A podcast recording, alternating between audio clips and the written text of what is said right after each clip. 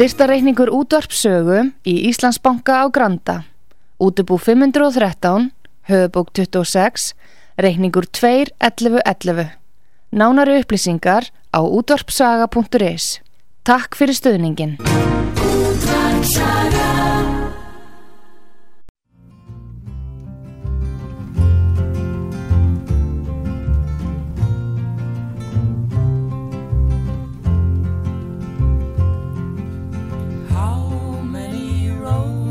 Must a man walk down before they call him a man?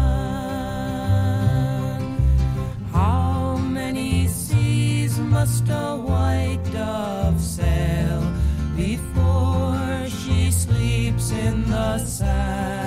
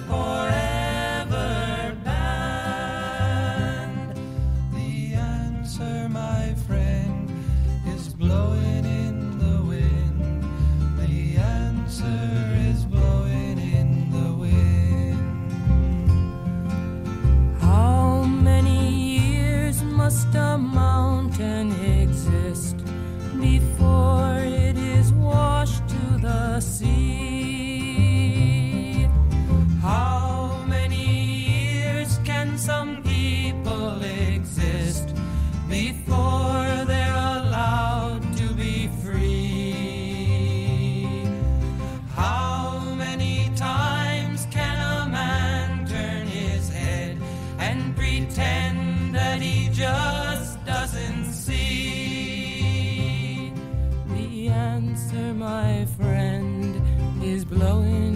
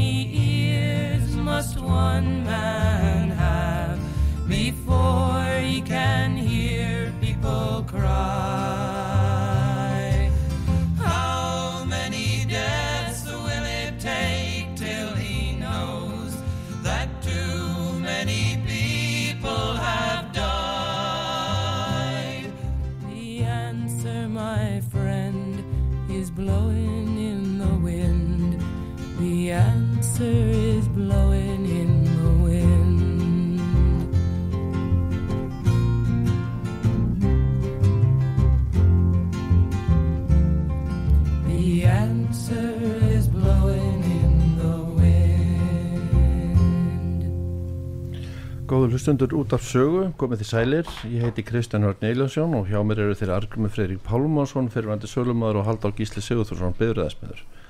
Þátturinn heiti Stjósísla Íslands í mínum augum. Uh, ég, ég var kannski eins og að byrja á, á hérna, viljið eitthvað tala um þáttin sem var á undan hérna hjá, hjá, hjá þegar Argrú talaði við Hall eða, eða Halldór. Já, Eða, það er, ég hefði viljað tala um síðast þátt sem við vorum með augnablík já, já, að það var hérna að þú varst með upptalningu á spillingamálum sem er á Wikipedia. Og það sem að hver sem er getur sett inn á Wikipedia það sem þið vilja og, og tekið út það sem þið vilja. Og þar voru allavega tvö spillingamál sem að, að mínum mati voru snúin við í hérna í upptalningu hjá Wikipedia. Og, það er fyrst og fremst er það hérna, eða það eru tvö mál það er að segja, það er með e, svo kalla klustursmál þegar að það voru þrýr druknir menn sem voru tala um pólitík og, og þrýr aðrir sem, eða þrýr eða fjórir viðbót sem sátu þarna og tóku að sumuleiti þátt í þessum umræðum. En þar var einhver, einhver spilling á ferðinni því að það var einhver kona sem að var að njósna um þá og let þessa upptöku hérna til fjölmiðla. Og spillingin þar er í upptökunni og senda þetta til fjölmiðla enga samtöl manna. Og það er náttúrulega það er spilling, það er, er mannréttabrót og það er allur pakkin og yfirvöld fóru ekki í þetta mál varðandi það. Og eins var það vintrismálið að þar var það hérna, þar var það fjölmiðl sem að fekk aðstóð erlends fjölmið, fjölmiðls til að gera lítið úr Sigmundi Davíð. Að, og þar er spillingin akkurat öfug. Þar sem að, að, að vintrismálið var eitthvað sem að hann var ekki með í höndum sínum Argrimur, þú sko, fyrir mér er þetta klaustur sem er lungu glimt og ég þakka bara Karli Gauta Hjaltasinni og Ólaf Íslesinni fyrir þeirra störf því að það er reynd ótrúlegt hvað það sem þeir hafa reynd að gera bæði lánamálun Ólafur Íslesson og Karl Gauti Hjaltason er eini maðurinn sem tók mitt mál upp á alþingi ræðustól. Fyrir utan það að Karl Gauti Hjaltason með 20 ára reynd sem kjörstjóri kærði kostningarnar í Borganesi og þær eru ólöglegar allir sem sitta á alþingi í dag vegna þess að er, þetta voru svindl í kostningunum og Karl Gauti Hjaltason á það einn og óstuttu hvað sem hann gerði á einhverju klausturspar það skiptir engum mál í mínum huga. Karl Gauti er stórmenni fyrir það sem hann hefur gert með kærunni og fyrir það, það sem hann gerði þegar hann tók mitt mál upp á alþingi sem ég er búin að senda sem alþingismönnum í 12 ár hjálpar ákvöldi hverja einustu, einustu viku og ef ekki en þá fengið svar hún einum einustu aumingja að hann er eini maður sem tók þetta upp í ræðustól. Og þeir, hann fekk engi svör og engi ekkert, það skipti engum málega sem hann var að gera. En þetta er auðvitað, mun koma allt saman upp síðar. Ég myndi skammast mér fyrir að vera alþingismar á Íslandi, ég myndi skammast mér að vera sveitastjórn í Reykjavík eins og þetta er sett upp í dag, vindræsmáli aftur á móti. Við getum tekið það, það eru miklu fleiri menn sem eiga peninga erlendis sem ekki hafa gefað þau upp heldur en bara þessi au- þarna aumingja Sigmundur Davíð sem hefur, er sennilega greindur til að með að vera á þingjuna þetta, þetta er bara ótrúleg klú- klúður allt saman. Þá vil ég bæta við þetta að Karl Gauti og Ólafur Ísleifsson þeir voru reknir úr flokki fólksins. Og þetta var, eh, klaustusmáli var notuð sem ástæða. Ég veit réttu ástæðuna fyrir því og þar auki var heiðusmaðurinn Haldur Gunnarsson í Holti að sem að fjármagnaði stopnun þessa flokks og lagði mikið á sig að vinna upp þennan flokk að það var það að reka hann úr flokknu líka því hann hafði vitnesku sama, sama hluti. Og það eru nokkrir aðrir í flokknum sem voru flæmdir í burtu vegna þess að þeir eru vitnesku sama hlutin. Og sá hlutur til ég vera spillingu kannski fyrir hlustundur að því í síðasta þætt á tölum vorum að ræða já, bara engungum spillingu og við, uh, við fórum inn á Google og, og, og googluðum spilling og, og þá kom upp Wikipedia síðan með þessum uh, spillingarmálum og það kom listi yfir fullt af málum og, hérna við töldu þau upp og þú, við erum að ræða um klöstusmáli hérna sem að þú ert að tala um en ég var að skoða þetta með dáðan sko okkur að þetta kæmi undir sko spillingu, þetta er ránglega sett inn. En ég sé hérna að Gunnar Bræði Svensson hann er að segja að hann sagði hérna að í upptökunni segir Bræði að hann hafi fallist á að útnefna geir sko, horti sem sendar með því að með það í huga eiga inni skreið hjá sjálfstæðarfloknum má ég koma inn á þetta? Og svo, svo talar hann líka um sko hérna bara áður kleipir aðarkrumur að hann hefði útnefnt frenda sinn og þáverandi þingmann vinsturgræna Árná Þó Sig Sigursson sem senda hér í, í Finnlandi og til þess að draga aðtekli alminnins frá útnefningu gest sko. þetta er alltaf flokksnætti spillingu sko. þessi hluti hvað var fyrst, hvað var fyrst að þú spilaðir í síðasta þætti það var ekki viðtal kastlu sem við gerir horti, hvað segir hann þar hvað var það kallað í vennulegu samfélagi hvað er það kallað sem að Geir segir í þessu, bara í, í opnunar hérna sem spilunu þínu sem þú Kristján, sem þú settir í þáttin síðast fjóruða þátt, er það ekki spilling? já ég veit ekki hvað þú kallar það. Ég myndi gera, kalla það ímsum nöfnum og meðalans kannski þetta sem þú nefndir. En mér langar að ræða eitt og það er lög sem ég lærði í síðustu viku og þakka Arnari Þór Jónssoni fyrir fundin og Jóni Magnúsinni og öllum í sjálfstæðusflokknum sem stóðu fyrir fundinum í valhut á 50 daginn síðustu viku á um kvöldið. Það er ótrúðastu fundi sem ég hef setið á þessu, í þessu landi og ég er þú búin að setja marga. Málið er það að þar var verið að fjalla um já, það kom fram merkileg lög sem að Jón Magnússon las upp úr og hann myndi nú ekki númer á hann þegar ég spurði hann að því svo fór hann að fann númeri fyrir mig lögin eru númer 80 frá 2016 og þessi lög númer 80 frá 2016 eru búin til í kaffúst í bæ af manni sem heitir Óttar Proppi og var, var félagsmálaráður Íslands á þeim tíma. Og hann var þar með bestaflokkin og Nikolan Mosley sem að núna starfar sem aðal hún er að hafa fullt af peningum að flóta manna vinnu og Sabina Lefsko voru með honum í stjórnbróflokki og voru á alþingi með honum. Og kannski tóku þátt í þessum, þessum æfintyrum auk Pavel, Bastok sem kannski var líka þarna, hann er pólveri og máliði það að hann er núni í viðreysnin, ég veit ekki hvað flokk hann var á alþingi, ég get ekki svaraði, kannski var hann fyrir viðreysni, ég get ekki svaraði, nú er hann var að borgarfylgdur, þetta fólk er alltaf að tekjur af þessum lögum af þessum, af þessum, þessum tvö, hérna, 80-2016 og það er bara einfallega gegn lögum 33 Má ég aðeins- 44 stjórnarskronni aðeins gripin í þetta þú, ég var að googla þetta þú, þú talar um lög nummer 80 frá 2016 þetta eru lög um útlendinga og þetta eru 125 greina þetta er mjög löng lög. Þannig að Óttar Proppi hefur sannlega verið líklega verið lengi á kaffehúsinu ef hann hefur náða Já, hann hefur kannski verið á mörgum kaffhúsum það er náttúrulega vitt þannig til að ég, ég var lent á kaffhúsin í Borgatúni veins ég var að tala með Nikolas Úlvar byggingafullur úr Reykjavík sem vildi ekkit fyrir mig gera og ég kom grátandi niður og ég var einn á ferðin og mér langaði eitthvað- að drekka. Svo ég settist í einn kaffhús situr ekki ótt að proppi með svona tíu mann hóp þetta var 2016 að, að, að bladra um útlendingalögin þannig sem þetta er verið að tala um núna. Og málið hann ber personlega ábyrðu því kakvart mér að því að stjórnarskjónum segir réttlátt málsmeðferð er 70. grein og það getur aldrei talist réttlátt málsmeðferð að ég tek einhvern gest sem er í vandræðum á flugvelli og, og gefa honum að borða og gefa honum húsaskjóla þú getur ekki farið svona í skattana mína. Það getur enginn gert það og samningur, hérna, þessi fíni samningur hérna Marrakes samningur frá Afríku, hann er annað svona skáulegt gáulegt dæmi, hann er samþýttu 2019 á Íslandingum og, og Jón Gunnarsson saði á þessum fundi, æ, veit þið það er gott fólk, hann er, er dómsmálaráðra hann, hann saði, gott fólk. Ég held sem Marrakes samningur, hann er einhver fallegasti samningur sem saminu þjóttir hafa gert fallegasti samningur, hann var búin að segja það líka á fundi á eld, eldri borgur í sjálfstæðisflokks á miðgudegi og inn í Kópói á sjálfstæðismönnum á lögadeginum og undan. Fallegasti samningur sem saminu það er alveg rétt hjá honum, þetta er fallegasti samningur sem saminu þjóttir hafa gert, en þeir hafa líka gert barnasáttmálan og samningin um fallaða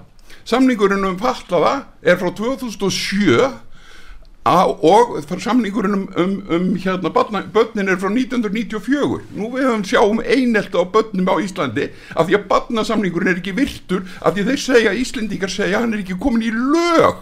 Hann er ekki komin í lög á Íslandi eftir frá 1994 og fallaði samningurinn það er nú búið að fjallu það mikið á örkjabandalarsfundum þau eru harpa og fleiri að það verður að lögliða batnasáttmálan, nei fallaðasáttmálan hann er frá 2007, það verður aldrei verið gert hvernig stendur á að Marrakes Afríkusáttmálin er, er allt í einu svona mikils virtur, auðvitað er hann einskis virði enda fjallar hann um mjög aðtilsverðan hlut hann fjallar um það að þú átt aldrei að fá heftingu yfir landleikjandi landamæri, þú átt alltaf að geta stokkja milli, ef það væri stríð í Noregi, þá myndur þú geta stokkið til Svíþjóður, ef það er stríð í Finnlandi þá myndur þú geta stokkið til Rústlands eða eitthvað annað, þú átt alltaf að geta stokkið yfir land, ekki eigu það er engin kvöð á eigu að taka á móti einum einasta gesti í vandræðin engin kvöð og málið það, ég veit bara ekki láta eða skottunum mínum í þetta. Schengen samkómulegð sem að veru líka aðeinslega mjög ágætti samkómulega og fín það kveður á um force majeure það stendur þar. Ef að við teljum hætt á landamærunum þá meðu loka þeim, það stendur þeim að loka landamærunum hvena sem eru í hvað langa tíma sem er fyrir hverju sem við viljum.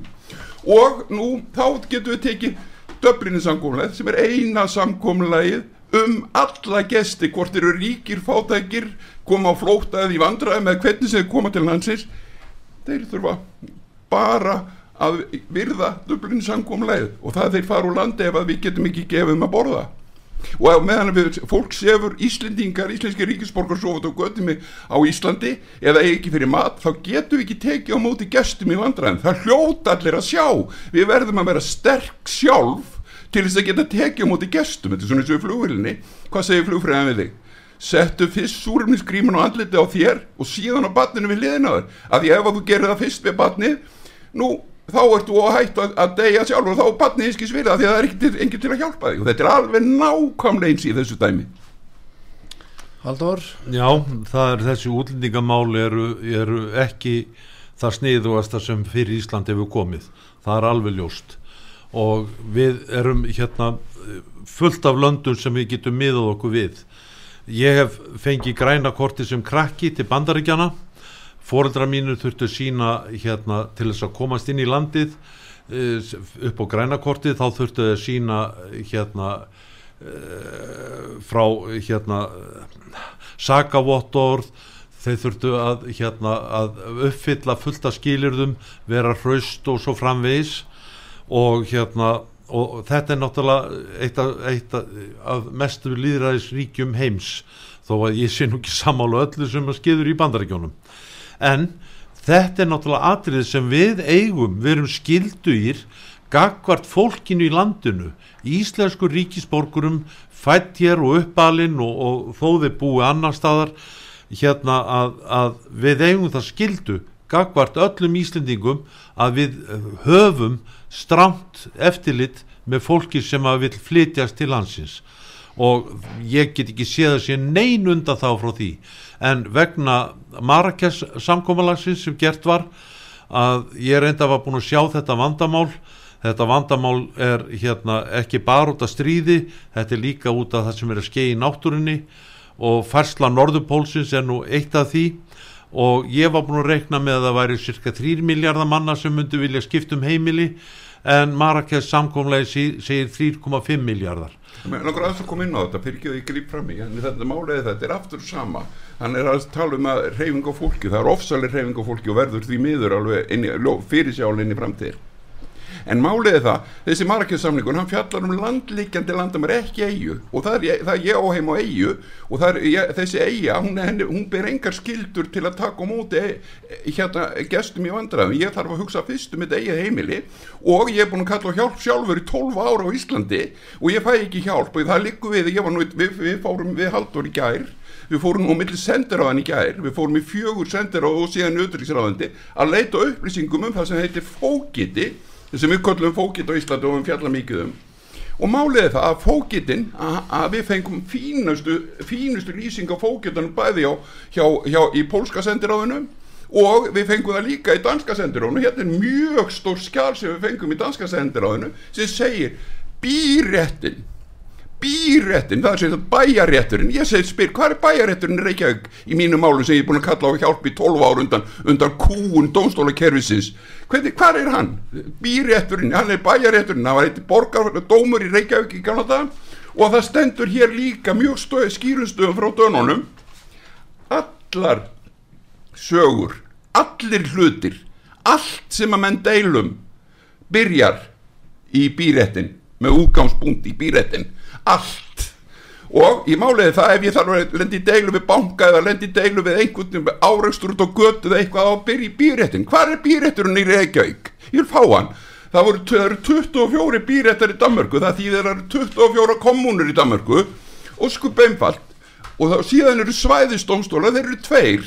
Og það eru austri landsréttur og vestri landsréttur það er bara því að það búið skipta Danmörku tvö svæðiskipulög Ísland eru nýju svæðiskipulög og hva, hvers slags ruggl er þetta hérastónskerfi en það var þetta hann, Kristján var nú að eh, flett upp á Google að ná hann um, um hérna þetta bíréttin og bírétturinn þýðir á borgartómur á íslensku. Og svo skipti Google allt í um og kallaði hérastóm hérastómur er lögsögulegst apparat í eigu ríkisins. Mér er alveg sama hvað margir lögfrængar hlusta á þetta skiptir engum máli. Þeir verða að bera ábyrð á því að hafa lært það sem kallaði lög. Það er ekki verið að fara lögum með því að draga einhvern fyrir hérastómstól og síðan landsrétt sem að hvorut hefur þjóðskiplaskerfi er fellur hverkin í neitt lögsuðskerfi En það er hérna ég eh, vil hérna aðeins skjóta út úr þessu og ég vil þakka Arnari Þór Jónssoni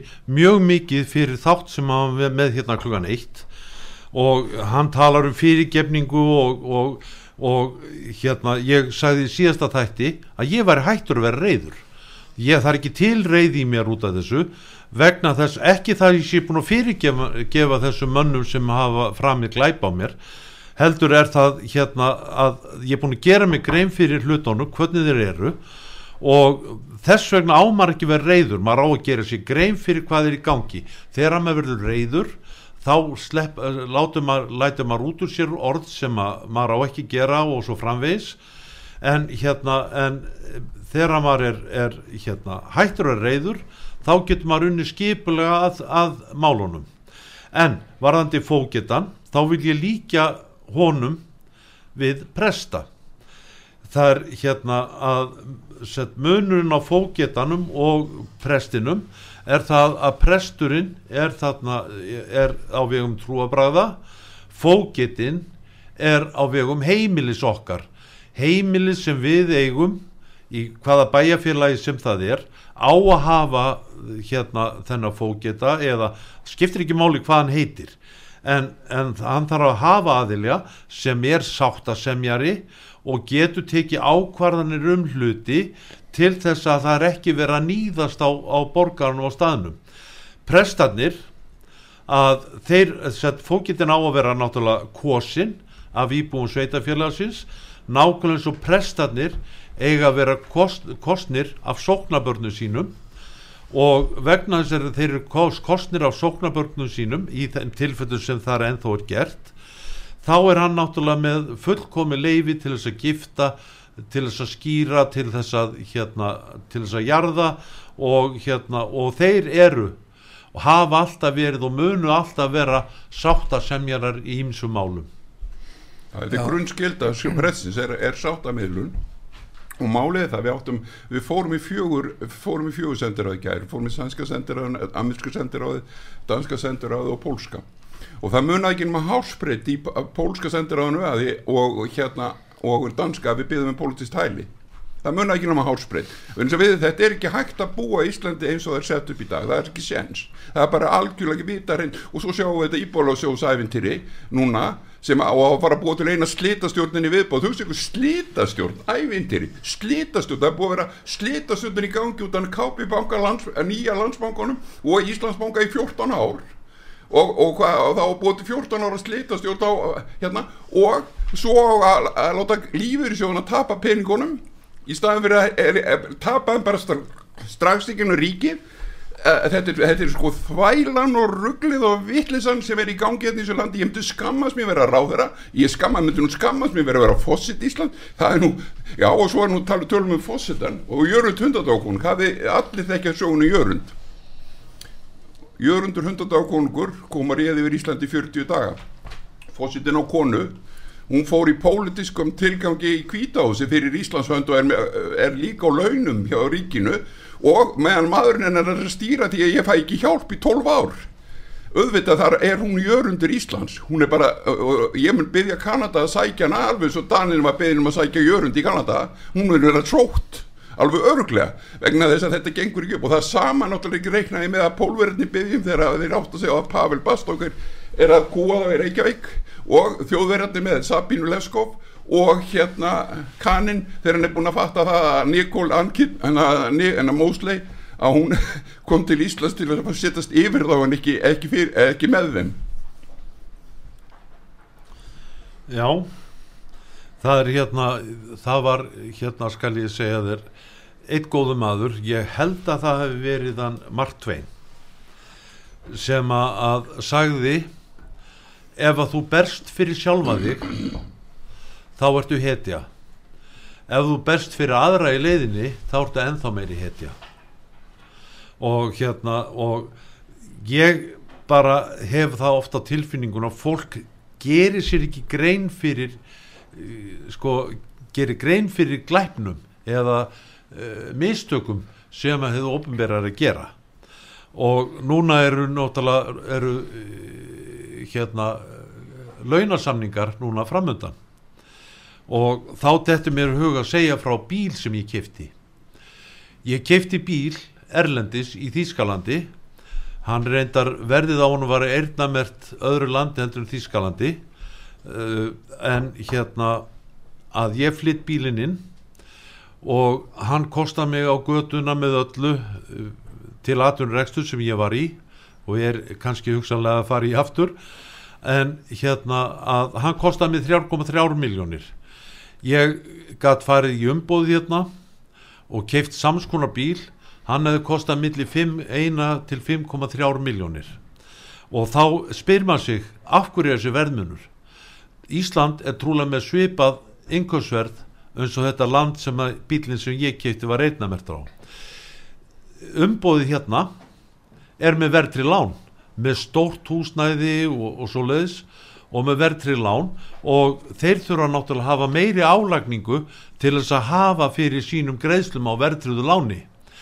Síðan er, er til viðbóta við það að þeir eru með haug af starfsmönnum mikið af starfsmönnum þar og þeir, flestir þessar starfsmenn ef ekki allir eru með verðri lán og þeir þurfa að hafa herri laun fyrir bragðið og ég vil meina það að dýrtíðin á Íslandi hún er einungis út af verðringunni og ef að pólitíkusar skilja ekki þetta þá veit ég bara þá, þá skil ég ekki eh, hvar hugsun þeir er.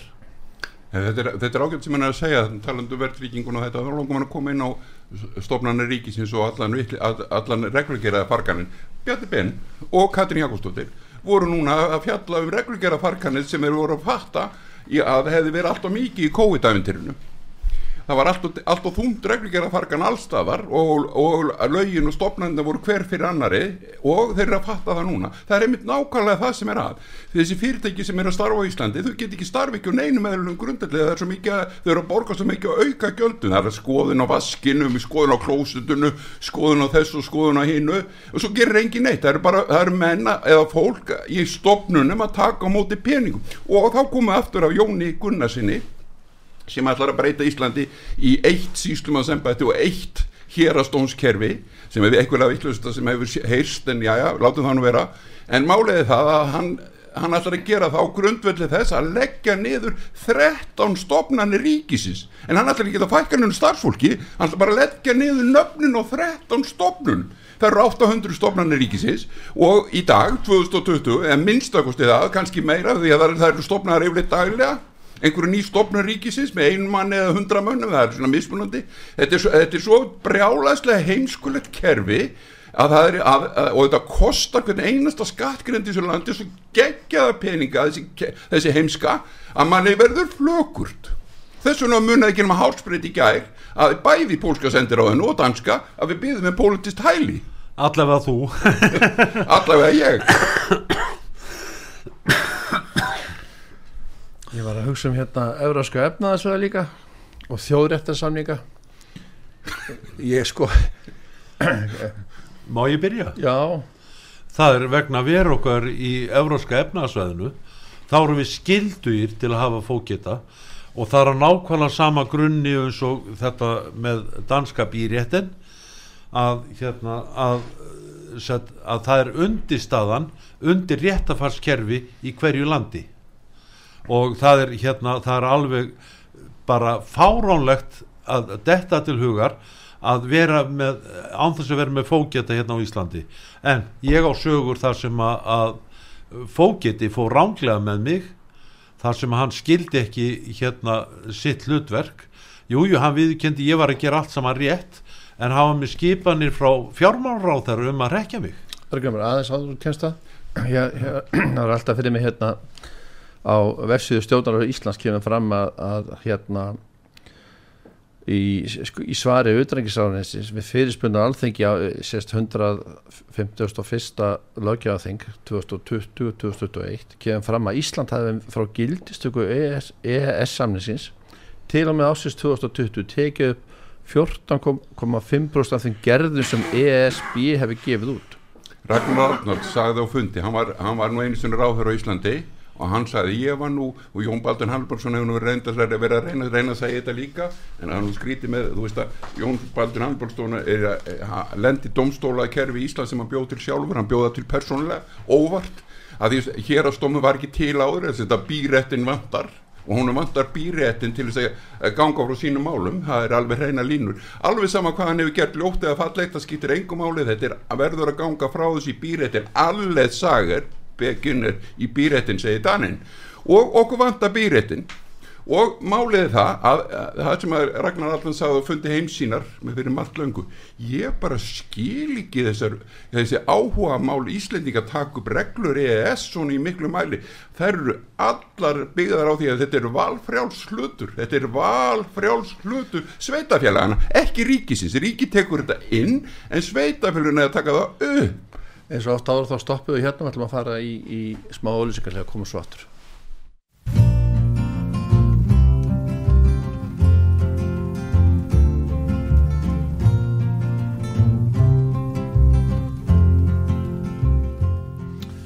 Jæja, við erum í þættinu Stjósísla Íslands í mínum augum og ég heiti Kristján Örn Eliasson og hjá mér eru Haldur Sigurþórsson og Argrymur Pálmásson Mér langar til þess að ég var aðeins að nefna þjóðaréttin áðan þetta er svona bara uh, pæling að ef menn hugsa um þjóðaréttin samninga millir ríkja og ég er hérna með fyrir saman mig bókina Evrópuréttur eftir Stefán Mál Stefánsson réttareglur Evrópursamvæsins Stefán Mór Stefánsson Pippi dans. Lagagrundullar ES rétti stendur hérna. Í ES réttinum er sett fram almenn meginregla um að tólka á reglum ES, EES samningsins og ESB sáttmála skulle vera einslitt það er náttúrulega það er stemta einslitni það er stemta í samningunum er stemta einsliti þess að vorum við að tala um, ég var að segja á hann með gerðina það eru búið að taka upp það eru 15% laga sem er hérna á Íslandi sem koma beint ég, ef ég myndi, ef ég, ég ætla bara að segja um Stefán, Stefánsson ég myndi bara skammast mér fyrir þessa bók hún er bara, hún er illa skrifuð um þetta vegna málið er það að þetta er snýst allt um mannréttin það snýst ekki neina gerðir eða neitt. Þetta eru samhæfingarreglur EES er samhæfingarreglur úr EU samningum sem önnu þjóður ekki hafa með sín á milli um eh, hérna ákveðna hluti. Og þú þarft ekki að taka á Ragnar Allan sagði á fundi hann sagði á fundi heimsinnar einu í Kópói fyrir marglöngum ég skil ekki áhugan á því að taka upp allar þessar gerði það þarf ekki að gera. Sérstaklega, þá var verið að fjalla sérstaklega um línuna hann, er, en það heitir þetta landsneti eitthvað núna, akkur eru 20 aðeinar að selja mér orkun á, sömu línunni með, með tveggja með auðra mismun eða, tí, eða tíu auðra mismun og kílófstundin akkur, hvað er þessi heimska? Til hvers, hann sagði þetta hann sagði ég skil þetta bara ekki. Sagði, og þetta er bara var, hann sagði ég var í þessari samningarnemnd og þetta er ekki þar. Ég, ég var aðeins að nefna þetta var í þessu samengi að þú varst að tala um lögum nummer 80 frá 2016 þessi lögum útlendinga. Vandalega er þetta eitthvað að fjallum um innflytjandamálin eða flóttamannamálin sem eru hérna og kostnaðin og, og slíkt. Að þá er ég að velta fyrir mér hvort að, að þetta séu sko samningar sem að þjóðréttarsamningar e einhvers konar samgumla sem að hefur verið gert við önnu ríki og að, að að það sé hlusta frekar á það að menn fari frekar eftir því heldur en að hlusta kannski á fólki hérna heima Nei, er, þessi, þessi lög 80-2016 eru tilfinninga, tilfinninga fólksins sem bjóð til lögin. Það getur enginn gengið, ekki gegnum neina, það er er bara mannréttindi þín eh, alþjóðleg. Að, það getur enginn gengið í buttuna mína. Réttlátt málsmöfur, 70. grein stjórnarskrónar segir, það getur enginn skildað argrim til þess að borga hærri skatta til þess að gefa einhverjum að borða, ég gera það velvild minni en ekki með, með kvöðum. Þess vegna getur þessi lög ekki staðist. Þú standast ekki En- réttláta málsmöfur mína á stjórn að gera mér á stjórnarskrá Ísland sem eru lög 33-44 rétt 70. grein rétt, ég, ég allir eiga rétt og rétt átti málsmöfur og ég á ekki fyrir Coco Prince Polo na, í núna 12 ár og það getur ekki sagt við með borgaði meiri skatta af því að ég þarf að gefa fullt af fólki að borða sem kemur flugvél sem er, sem er segist þér í vandræðum. það erum- má alveg verið í vandræðum. Og mér langar alveg að hjálpa fólki en það verður að gera þetta til skinnsemi og það er ekki skinnsemi í þessu eins og þetta upp í dag. Það er bara óskup einfalt, það er ekki skinnsemi og aftur að þú ert að tala um þetta þá ætlum ég að tala um, um þjóðréttar samninga og þá ætlum ég að tala um þrjá samninga. Ef að samningur, Marrakes samningurinn er þjóðréttarsamningur eins og þú kallar það þá er hann akkurat bara um að hoppa með yfir landamæri endalaust landlíkjandi landamæri. Og ef hann er gildur á Íslandi hvernig í stendur þá á því að fattaði samningurinn frá 2007 er ekki líka gildur? Akkur, hvernig geta menn kallað hann þjóðréttarsamning eh, og sem er ekki gildur á Íslandi en Marrakes samningin að hann sé gildur á Íslandi eða barnasamningi sem er við verum að fara að sjá eh, hérna, fýblagangin í sveitafélagunum sem þurfu ekki eins og að bera ábyrða einelt og börnum. ég, veitu, ég ætla aðeins að fá að spyrja það. Ég hérna sáttmáli saminu þjóðan á réttindi bars þetta tala um Ég er að tala um hann frá 1994 Já, en- Íslendingar undirrituða fyrstir manna 1994 Þeir voru í fyrstu röðinni Fyrsta daginn Alveg eins og vallaðsamningin Býta hans, alveg maður komast það Uh, samningu saminu þjóðan á réttindi bars eða barnasáttmálin var samþjóttur á allsjárþingi saminu þjóðana 20. november 1989 samningurinn var undreitar af Íslands hálfu 27. 7. janúar 1990 og fullgildu 28. oktober 92 og síðan segir barnasáttmálin var lögfestur á alþingi 20. februar 2013 með lögunumur 19 frá 2013 þannig að hafa búið löglega þannig samning Hann þannig komin inn í landsrétt. Sam- Samt virkar hann ekki á Íslandi. Uh, Salfur Nordal sem er umbóðsmaður barna Hún er alltaf kvartum dag er, eh, Ég er kannski með vilt að dagsetning á 1990 Það var að 94 Það, er, að, það kann að vera villust dagsetning Dagsetninga skipta engum mála á þessu samningum. Það sem skiptir máli er framkvæmt þeirra á mér sem íbúa Íslandi. Og ég á þess að á þennan þjónusturétt sem að þessi fjallaður um þessu samningum en fæ hann ekki. En býtu við, uh, fyrir ekki að halda ég ætla, sko við getum tekið þessa umræðu rétt og eftir en svona þess að, að því nú er að koma jól, það stýttist í jólin og, og, og þá þá fara allir að, eða flestar að hugsa til fátaka fólksins, við ætlum kannski að fá hérna ég ætla að fá hljóðbúti sem við fengum síðast og hann er, skal ég segja þér það er Inga Sæland og Bjarni Ben um fátakt á Íslandi. Þetta kemur af frá hérna rásinuna Láru Hönnu Einarsdóttur og þetta er á alþingi, þetta er í sérst 47. fundur á alþingis 2018 og, þau, og það verður að fjallum fáta, svo, svo slúum við taka ykkur umröð eftir það, ef við fáum kannski hljóðbúti núna. Tekur til máls öðru sinni, háttundur áttundi þingmaður Reykjavík kjörðami Suður, Inga Sæland. Virðulegi fósetti, virðulegi fósetti, ég þakka hæstvitum fjármálar á þeirra fyrir, fyrir alla þessa fallegu upptalningu. Það var næstu þess að ég hefði sagt þetta sjálf en bara versta við það að það skuli ekki gera neitt í, málunum. Mér er alveg nákvæmlega sama hvað við drögum marga fiska á sjó þegar virðist vera ráðrúm til að lækka sérstakann bankaskatt. Þegar ráðrúm fyrir að byggja hús íslenskra fræða er, kannski, er, er, er kannski til, er, er kannski mögulegt að, að húsnæðislausir Íslendingar fái þar e, að vera og, og, og hérna þegar þeir hafi engin e, hús að venda. Sko, það er ekki nóg að tala um það hvernig við sköpum fjármagnið og hvernig við, komum öllu áfram. Við verðum að setja það í ákveðin forgang líka. Og þegar við tölum um það, við getum ekki einu sinni fært persónu afslátt frá þeim sem hafa ekkert með hann að gera, eins og mér og fleirum og sennilega öllum sem hér inni sitja. Hvað erum við sem erum hátökju fólk að gera með 53.850 krónur í persónu afslátt? Að með við horfum að fátækt fólk, fá út, útborgað allt nýr í 200.000 krónur, jafnvel þó það sem er fjölskyldu. Það er ekki forgangsraða rétt og ég kalla eftir því að við tökum utan um fólkið sem þarf á hjálp okkar að halda. Og svarar öðru sinni, hæstúti fjármála efnarsráþurra, Bjarni Bendíksson.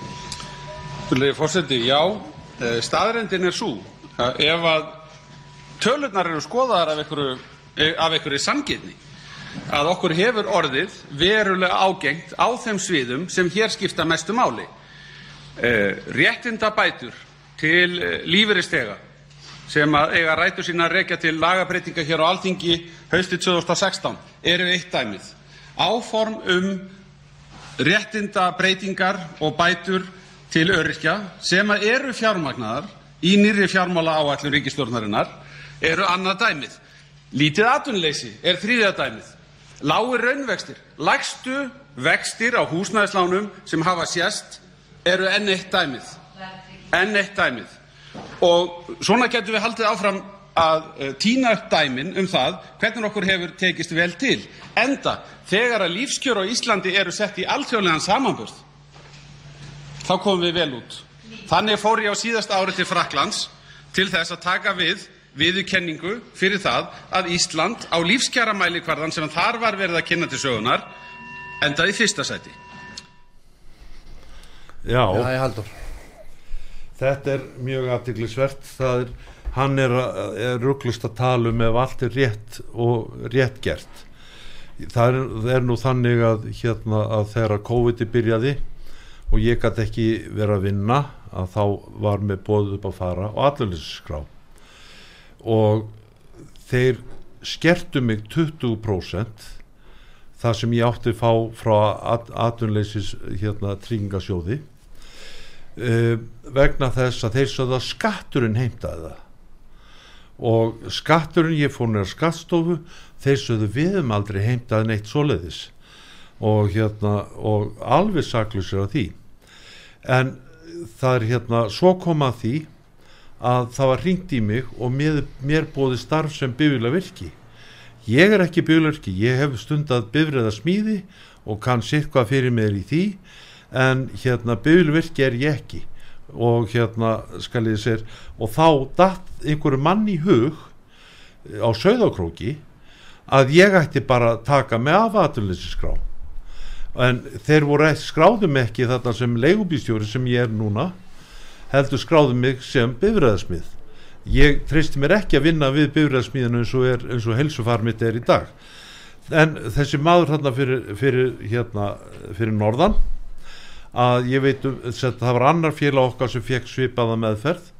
En svo var hérna einn ungur maður einstæðu fadir þeir sviku hann um atvinnleysisbætur í átta mánuði.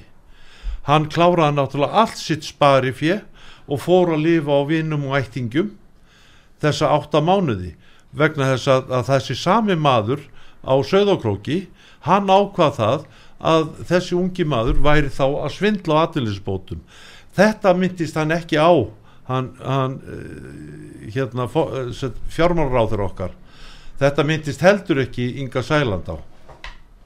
Argrymur Já þetta eru þetta fjallandi þetta. Inga Sæland er öfur staðist mjög vel að, tala en hún er ekki verið jafnduglega að framkoma það er því miður.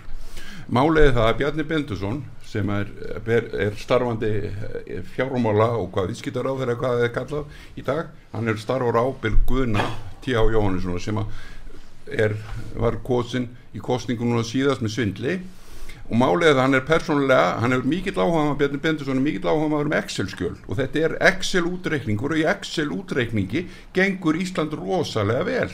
Vegna þess að Excel eru, þá eru allir dauðir í raun og veru, það er að segja eins og fyrirtæki. Kennutalan okkar er líka mjög lík fyrirtækjum. Fyrirtæki hafa afskrytasjóði engin einstaklingur hefur neitt nema kannski smá bankasparta og þegar hann er búinn þá er, þá er allt farið að halla en þetta lítur rosalega vel út þegar þú skoðar þetta í Excel í heilsinni og málið það ég myndi skammast mér fyrir svona, svona framsetningu eins og Bjarni Bendisson er að gera. Ég myndi bara hreinlega skammast mér fyrir það. Og ég myndi skammast mér fyrir að vera, að vera leiðaflokk 50.000 einstaklinga eða segjast leiðaflokk 50.000 einstaklinga og vera með þetta á stefnusgruninu að búa til einhvers konar Excel skjöl með, með kúanarreglum af því að þú fær þarna þá tökum við þarna og af því að þú tökum fór á hinu staðinum og þá tökum við burtu þarna.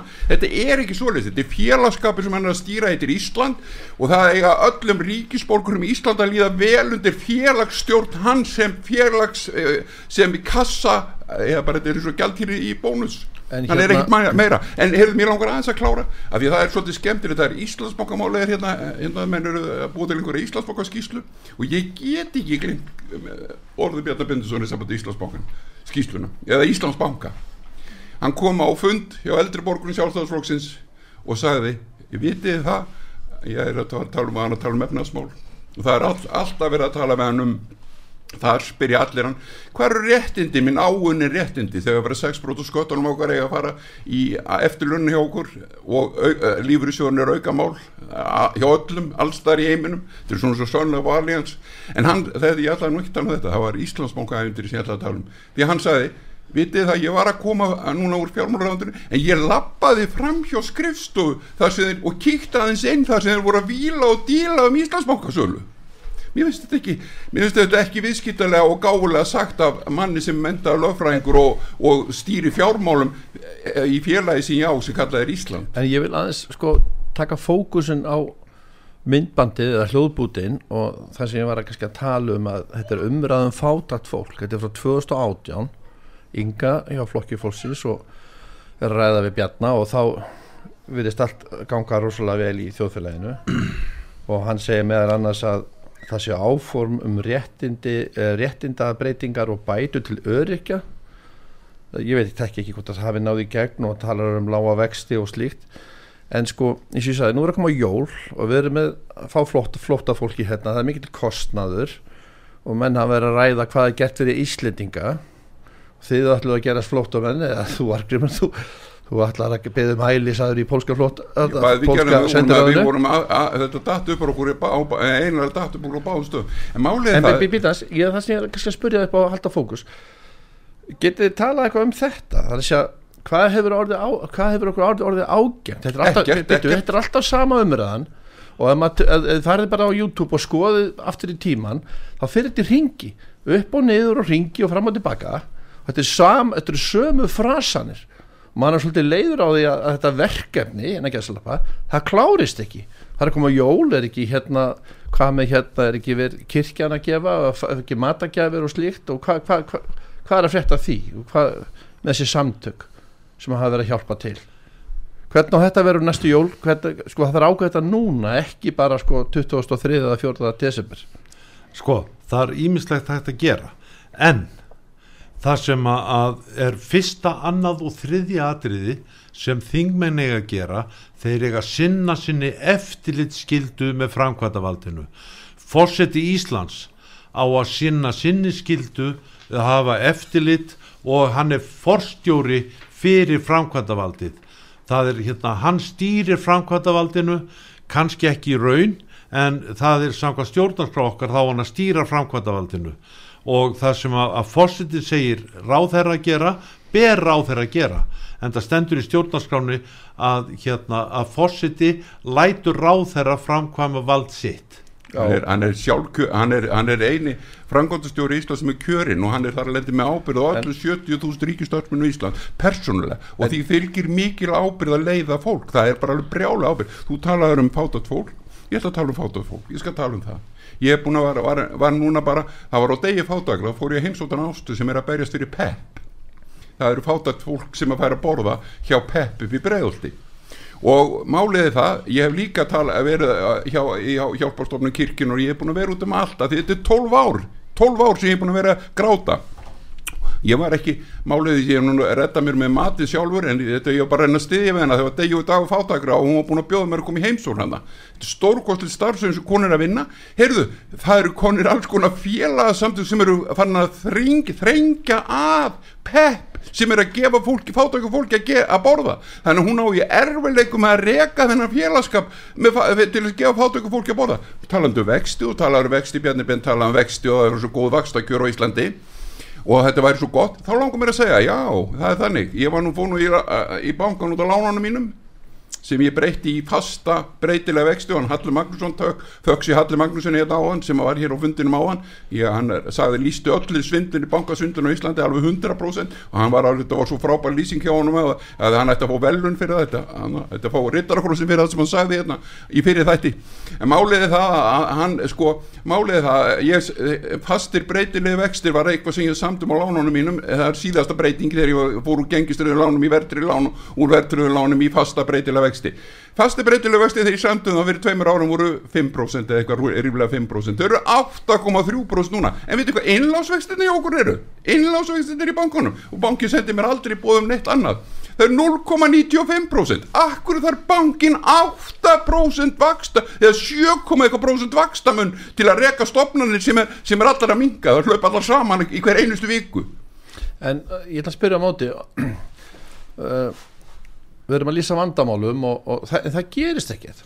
Það gerist, það gerist ekki neitt þeirra, hvað, hvað, hvað, hvað er hægt að gera? Það er ekki vand að gera, það verður allir að vinna saman en ekki sundur, það, ekki, það fer ekki á alþingu sefur þar, það eru, það eru 63 alþingi með steinsofandi með 200 manna starfsleðarna gerandi skýslur í allar áttu þú getur ekki skýslur, þú, þú, þú lifir ekki á skýslu, við lifum á því að, að vinna saman sem einn ein persóna en ekki, ekki sem, sem, sem einhver, einhver ég ætla að verða ríkur menn og þú, ég, þú ótt ekki þennan rétt, ég á þennan rétt og eitthvað, þetta gengur ekkit svoleiðis, það er bara er ekki þjóðfélag, þetta er fýblagangur og alveg eins og Reykjavíkuborg er reikin hún er reikin lækninni sjálfur sem Reykjavíkuborg ég menna hann, hann hafði enga COVID-reglur í Reykjavík í, í, í, og, að, meina, og hann er sérfræðingur í mannréttum hann er með próf í mannréttum allir ríkingar ætti að standa niður á, veri, á borgarstjórnarskrifstofunni á hverjum einasta mótni og mótmælunum En ég spyr, er það eitthvað stór vandamál að fólk hafi húsaskjól og, og, og svelt ekki? Meina, er, er þetta stór vandamál? nei það á ekki að vera Það, ég, menn, þetta er stór vandamál, við vitum það, en, en það á ekki að vera það. Að sjálfsögðu Er ekki. Er, er, er eitthvað erfitt að leysa þetta?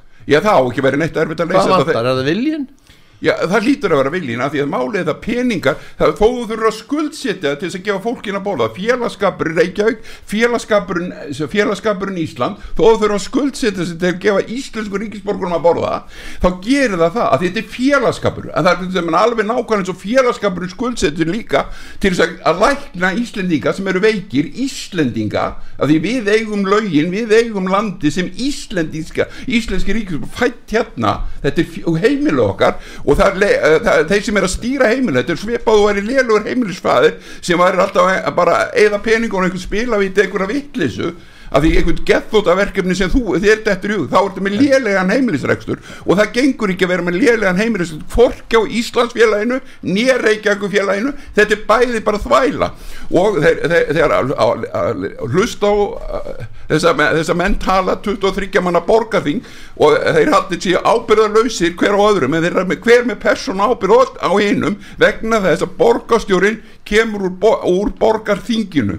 Ar- og alþingismadurinn hleypir ráðherrunum út af þinginu þá eru allir alþingismenn persónlega skadaskildir fyrir öllum klúðurum ráðherrans. Já, og ef að Bjarni Bensson er með Excel-skjölin sína að, að gera menn fátaka eða svanga að þá er þá er hann auðvitað bara þegar auðvitað heimilins hans á endanum undir valhöll sem er, hann er með félagi sjálfstæðisflokkin hann er, það er allt undir. Það er að segja ábyrðin er hans persónleg hann er að stjórna félagi gæða ekki félagi kúnar haldur áður en ég hleypi þér að, ég ætla að hleypa haldur svo að, en, þarna, já ég var að, sko þegar við kjósum, eins og kemur nú fram í bókinni hjá Bjargar Tóraðarsen, til þess að þeim dæmis, að þegar við kjósum þá erum við í raun að vera að, veita, gefa frá okkur ákveði vald, við erum að velja fulltrúa til þess að fara með okkar málefni.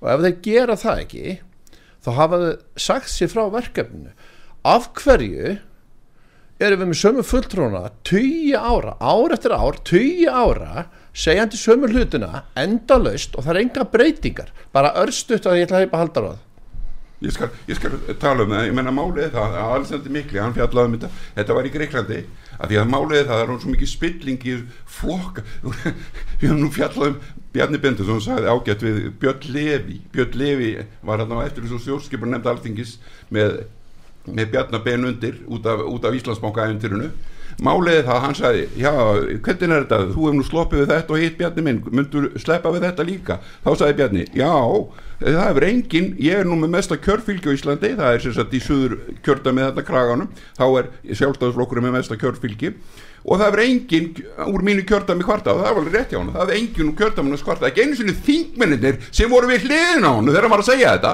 þeir stóðu ekki upp og sögðu, heyrðu, nei, við erum að kvarta núna. Þannig að það hefði engin, þi- að engin kvarta og það var alveg rétt. Málið er það en hann var aldrei kosin, það var aldrei verið neitt kjörfylgja bak við Bjarnar Bendisson hann er bara í pakka sem er bóðin fram kallað sjálfstæðispakki svo er til flokkur fólksínspakki og svo er til framsóknarpakki. Menn eru settir í pakka með forvali það er forval og svo er bara pakka inn í jólapapir. Ef þú vilt ekki þennan hóp nú, þá færðu bara einhvern annan hóp. Og þetta, er ekki, þetta er ekki verið að kjósa fólk það er verið að kjósa pakka. Og það er að því forvalið tryggir röðun á, á, lista og röðun á listi þýðir bara eins og jólapæki að róvisa hvað þú færð. Einmitt, haldur ég að nú komað þér. Já, þá ætla ég að klára þetta með atvinnleysi tringasjóð Já.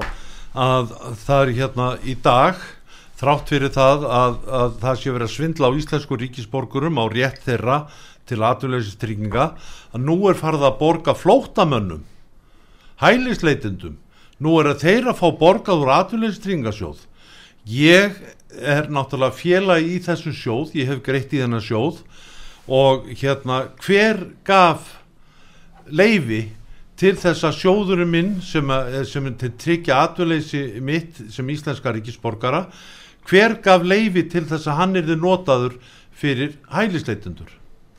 En hérna en það er það er náttúrulega mikið búið að ganga á hérna núna og, og hérna og það er já ég held að ég segi bara passu svo er ég hérna uh, kem aftur Nei, þetta er að verða Já, við tökum þetta bara í síðara þáttum, þú vilt ræða fókjönda frekar og útskýra það, ég skil Já, það sko ég, vel, það, við tökum að lengri tíma í það. það þarf heila, heila þátt í það að fara í smáatilum hvernig fólk geti á að starfa.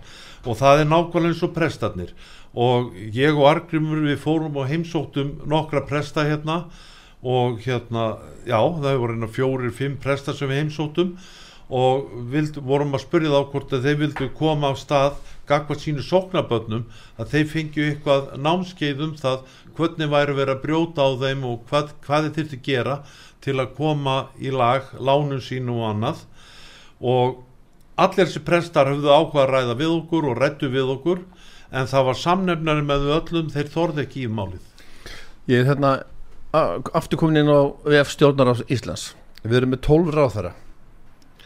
Og allir koma þeir í gegnum þessa pakka argrymur þeir komi ekki hann að pakka og eru þar að lendi á ábyrð bara eins mann svo að mynda hann hérna í mokkanum 50 daginn það er sem sagt síðustu viku að hann, það mynda hann og kalla Guðin T.H. núna og hann skrifaði bók sem heitir Völdrús Valdsins og menn ætti bara að lesa hana. Hún sýnir alveg spillinguna í kringum þetta, þetta starf sem kallað er fósiti á Íslandi. Og það auðvitað verður bara að klippa niður spillinguna í kringum starfið.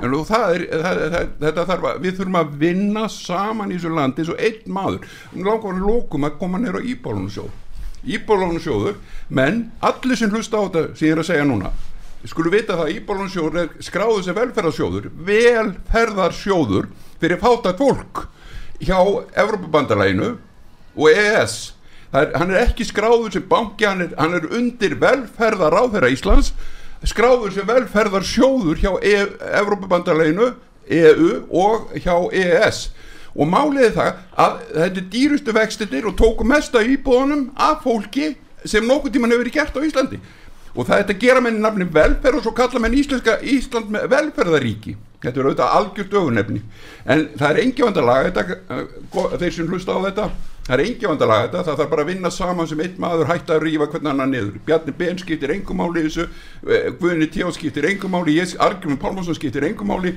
Það sem skiptir máli er að við værum inn komum fram sem ein manniska 350.000 einstaklingar á þessu landi.